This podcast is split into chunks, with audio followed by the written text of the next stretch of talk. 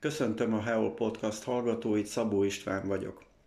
Ez alkalommal Fischer Józsefné hímző népiparművésszel beszélgetünk, aki idén augusztus 20-án a Magyar Bronz Érdemkereszt kitüntetést vehette át.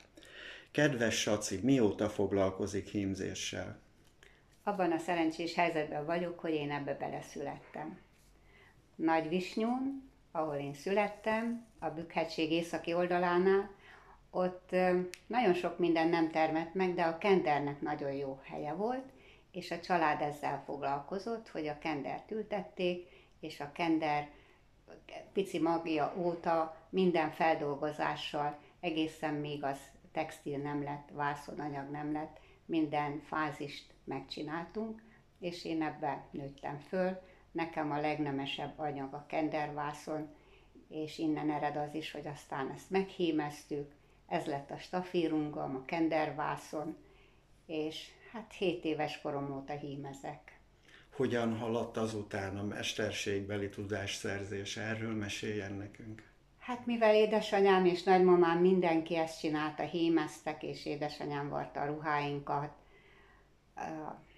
kelengyét készítettük, és ahogy gyűltek a, a ládába a stafírunk, úgy gyűlt a tudásunk is a hímzésbe, bátrabban mentek a keresztemek, a szállán varrott hímzések, aztán férhez mentem. Aztán gyöngyösre kerültünk. Tehát nem iskolában tanulta, nem. hanem szülőtől, nagyszülőtől, Igen.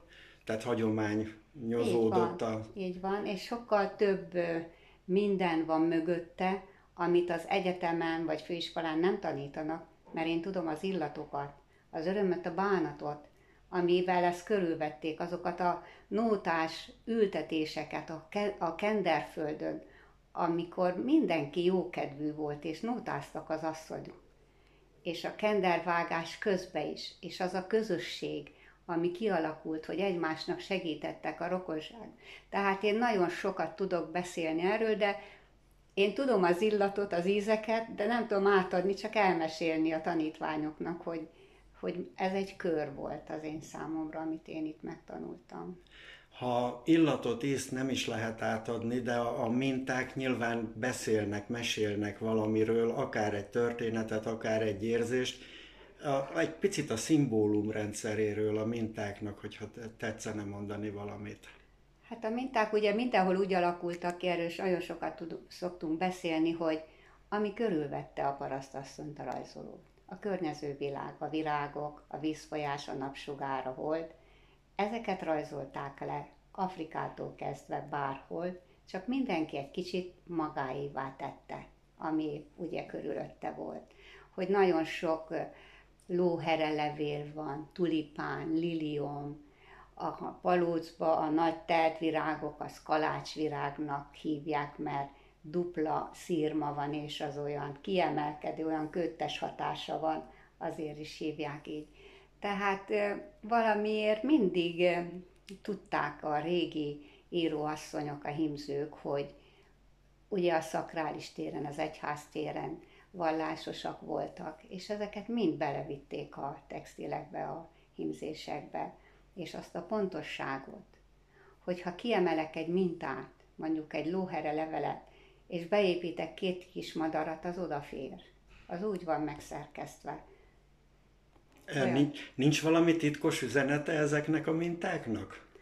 Hát biztos, hogy van, csak ma már mi ez, ilyen mélységében nem, mert ahhoz hmm. nagyon sok történelmet tudna az egyházi dolgokat, a, a család, a kép akkor volt, tehát ehhez nagyon-nagyon sok minden hozzátartozik, hogy kialakul, csak mi is érezzük ezt a nagy-nagy tisztelettel vagyunk ezek után a minták felé, hogy, hogy ezek az egyszerű asszonyok a nehéz kezeikkel, hogy miket tudtak, de azt már megfejtettük, mert tiszta volt a gondolatuk, és a természetben éltek. Azért lettek ezek a gyönyörű minták így kialakítva. Amikor elhatározza, hogy valamit elkészít, mi ad ötletet a mintaválasztáshoz? Milyen mintákat szeret? Mi motiválja a mintaválasztásban? Hát hál' Istennek most már a múzeumok nyitottak, és mehetünk kutatni, mert a, könyvekben vannak feldolgozások, azokat már mind lehímezték, és a múzeumok elég sok szép anyagot, az EGRI, a Palóc, Balasagyarmati, Veszprémi, bárhová mehetünk, voltunk is, mert ugye az országos hímzőtáborban mindig egy-egy múzeum köré van a tábor szervezve, és akkor a múzeumban kutatunk, és borzasztó nagy anyagot kapunk. És ugye ott fotózunk, fotózunk, centizünk, mérünk, borzasztó sok impulzus ér, és akkor hazajövünk, akkor újra nézzük, hát Istenem, nincs semmi, nem találtam semmit, és nézzük itthon ezeket a kutatási anyagot, és egyszer csak elénk jön valami, ami megfog, és azon napokig, hetekig gondolkodunk, rajzolunk, letesszük, másnap már másképp látom, ú, ez ide nem kell. Tehát nagyon sokat rajzolunk, tervezünk, most már tervezések készülnek a dolgaink, nem az, hogy csak így levarjuk egy sorba, hanem a borzasztó nagy anyagból kiemelünk egy rájellemző mintát. Tehát itt most már fontos a tervezés a múzeumi anyagokban is.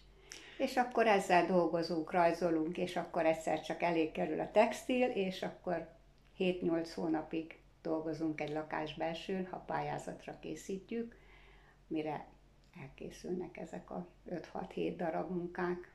Igen, hallottuk, hogy pályázatokra, kiállításokra készít anyagokat. Hogy zajlanak ezek?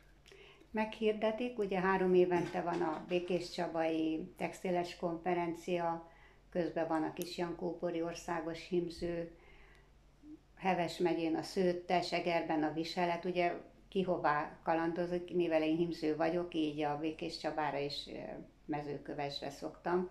Tavaly volt egy nagy kiállítás, az a kis Jankóbori, ahol első díjas lettem, és a tanítványomnak nagy gyűjteménye van, és ott találtam egy recski fejkendőt, amit feldolgoztam. Először rekonstruáltam, mert már nagyon lukacsos volt és száz éves, és a rekonstruált himzésből pedig terveztem kötént, függönt, asztalközepet, párnákat. Ez egy fehér himzés, nagyon finom lenge anyagon, és hát nagyon tetszett a zsűrinek is, és így első díjas lettem. Változott-e valamit a motivumok világa, úgy Nagyvisnyóról a Gyöngyösre került, ha nem is olyan borzasztó nagy távolság, de mégsem szomszéd települések. Más-e itt a, más ingerek érik egy Gyöngyös környékén, mint Nagyvisnyón, vagy, vagy hasonlóak? Igen. Hát Gyöngyös, mivel ugye nagyon korán mezőváros lett, polgáriasodott, itt ugye nincs olyan kultusza a himzésnek. Gyöngyösnek nagy területe volt a szűcsimzé, a szűrök, a szűrszabó. De hogy Nagyvisnyúról ide kerültem, és közel van Nógrád megye, és ott gyűjtögettem, meg ott kutatgattam, és nagyon nagy szerencsémre a Széchenyi környéki piros-kék, az igazi tűz piros palóc, az, az nagyon megfogott, és abból két garnitúra lakástextilt is készítettem, azok is díjazottak lettek találtam újat, ami kedvemre való volt, hogy más volt, mert Nagyvisnyún leginkább a keresztemes minta volt, és a szőttes. De ugye a szőttes mintát is le lehet számolni keresztemesre. És miután ez a szabadrajzú, ennyire szép, vonalú, íves és tűzpiros ez a Széchenyi környéki palóc, annyira megfogott, hogy azzal több évet eltöltöttem pályázatokra és a zsűrinek is nagyon tetszett, mert ennyire nem volt még feldolgozva a palóc minta. Mi mindent készít? Tehát a használati tárgyak, dísztárgyak, mi mindent hímez? Hát szerencsémre, hogy barónő vagyok, és így az ajándéktárgyakban is nagyon el tudok kalandozni, mert ma már nem kell a terítő meg a párna, hanem kell az, ami funkcióban van. Tehát egy szép kis táska, szatyor, neszeszerek, levendulazsákok, tűpárnácskák, tehát ilyeneket készítek, vagy a viseletekhez kiegészítőt, övet, táskát, az különben a táskát is úgy készítettem, hogy meghímeztem az övet, meg a táskára egy betétet, és egy bőrössel összedolgoztunk, és ezáltal folk trendíjat kaptunk, ugye a megújulás van. Tehát itt is olyan, olyan siker volt ez nekem, hogy végre találtam egy alkotót, aki tovább gondolja az én munkámat, és egy csodás dolog történt be, és azt ma már így örökítjük át a, a divatba a meglévő, de hiteles mintát. Tehát a kevesebb is elég, és ezt nagyon szívesen viselik a fiatalok is, hogy modern, de ott van rajta a tájegység hímzése. Az elmondottaiból szinte adja magát a kérdés, az átörökítés, az újragondolás és a fiatalok. Ön is foglalkozik a tudás átadásával a fiatalabb generációknak. Milyen formában? Igen, hát hál' Istennek két tanítványom is van. Balázsra megismerkedtem Recsken, még nagyon fiatal volt, 16 éves, és kiállításon voltunk, és ott egy fiatal ember ott nagyon kézi munkákról beszélget, és mondtam, hát gyere már ide beszélgessünk. És kiderült, hogy vakbottyánba jár dolgozni, én meg akkor még a művelődési házba vezettem szakkört, és akkor ő szeptember 1 meg is jelent nálam a szakkörön, és ő nagyon beleszeretett ő is, mert a recski vagdalásos az egy fehér áttört himzés, és neki is így kinyílt a világ, hogy mennyi keresztemes van, meg mennyi tájegység, mert ugye táborokból mindig hoztam az új mintákat. És akkor pályáztunk Balázsra közösen, díjazottak lettünk, láttam, hogy szépen halad, és elengedtem a kezét, akkor már egyedül is pályázott.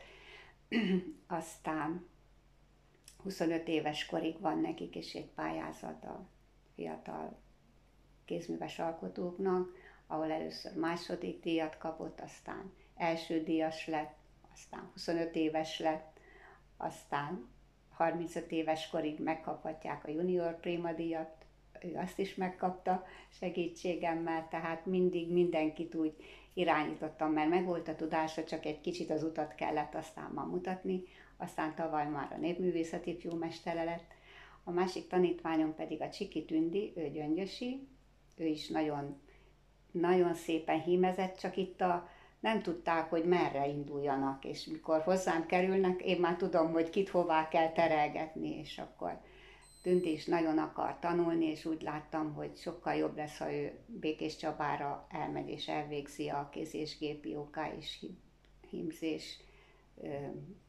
tanfolyamot, ami két éves, és megcsinálta az oktatóit is, ő már kicsit érettebb, és elvégezte ezeket, és ő is sikeres, mert ő, őt pedig arra állítottam rá, mert nekem már azért nincs annyi időm, az is egy, egy több éveket igényel, a gyöngyösi szűrök nincsenek földolgozva, vagyis a Heves megyei, mert nagy terület a szűrészügyhímzés, és most már harmadik éve ő is ezen dolgozik, már sikereket ért el.